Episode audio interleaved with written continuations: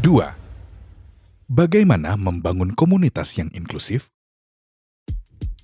Hal pertama yang harus kita lakukan adalah tidak berasumsi bahwa kita bisa mengatur sebuah komunitas yang beragam berdasarkan perspektif kita sendiri. Melibatkan berbagai kelompok dalam komunitas juga bukan berarti kita sudah menjadi inklusif. Menciptakan komunitas yang inklusif berarti menciptakan sebuah ruang di mana setiap orang merasa aman, diterima, dan dihormati. Hal ini tentu saja membutuhkan keterlibatan dari setiap individu dan kelompok dalam komunitas. Berangkat dari pemahaman tersebut, kita harus bergerak untuk mempromosikan nilai-nilai inklusif dalam komunitas. Bab ini menjadi panduan untuk kita meningkatkan pemahaman dan pengetahuan terkait inklusi sosial supaya bisa lebih kreatif untuk menciptakan komunitas yang inklusif beberapa hal yang bisa kita lakukan untuk mengarus utamakan inklusi sosial dalam komunitas, yaitu membuat kelompok kerja yang inklusif. Pastikan anggota kelompok tidak hanya terdiri dari kelompok yang termarginalkan. Minta kelompok untuk membuat rencana atau strategi inklusi untuk komunitas atau organisasi minta kelompok untuk merefleksikan kerja-kerja mereka selama ini dan apa yang bisa dilakukan untuk meningkatkan nilai-nilai inklusi dalam kerja tersebut. Minta kelompok untuk membuat pernyataan terbuka tentang nilai-nilai inklusi, serta strategi untuk mempromosikannya.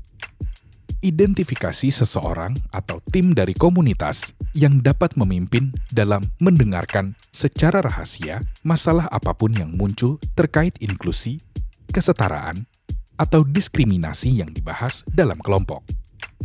Bangun hubungan dengan komunitas atau organisasi lain yang memiliki fokus berbeda. Hal ini penting dalam mencari perspektif lain untuk semakin meluaskan pemahaman terkait inklusi sosial. Inklusi sosial dalam linking and learning terdapat beberapa langkah yang perlu kita perhatikan untuk menciptakan ruang yang inklusif dalam komunitas. Langkah-langkah ini memerlukan pemahaman terhadap inklusi dan bagaimana cara memandang komunitas lain sebagai bagian tak terpisahkan dari kehidupan kita. Beberapa langkah yang harus kita terapkan dalam menciptakan komunitas yang inklusif, terutama dalam linking and learning, yaitu membuka ruang diskusi Langkah pertama adalah memasukkan topik terkait inklusi sosial ke dalam berbagai agenda dan membuka ruang untuk mendiskusikan nilai-nilai inklusif secara terbuka dan konsisten. Mengakui bahwa kita tidak mengetahui segala hal. Kita harus berani mengakui bahwa tidak segala hal kita ketahui. Tanyakanlah pada diri atau komunitas apa kekurangan kita dalam inklusi dan aksesibilitas dalam penjangkauan keanggotaan, kemitraan, dinamika kelompok, atau dalam tindakan kita. Jangan malu untuk bertanya langsung pada komunitas lain, mengingat pengalaman langsung mereka.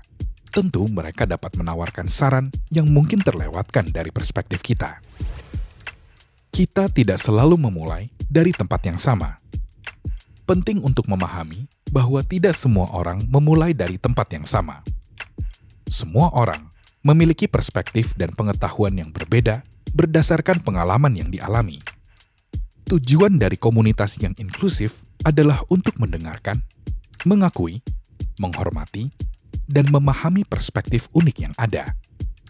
Mempersiapkan dasar untuk tindakan kolektif yang membangun kepercayaan dan hubungan yang baik dalam komunitas.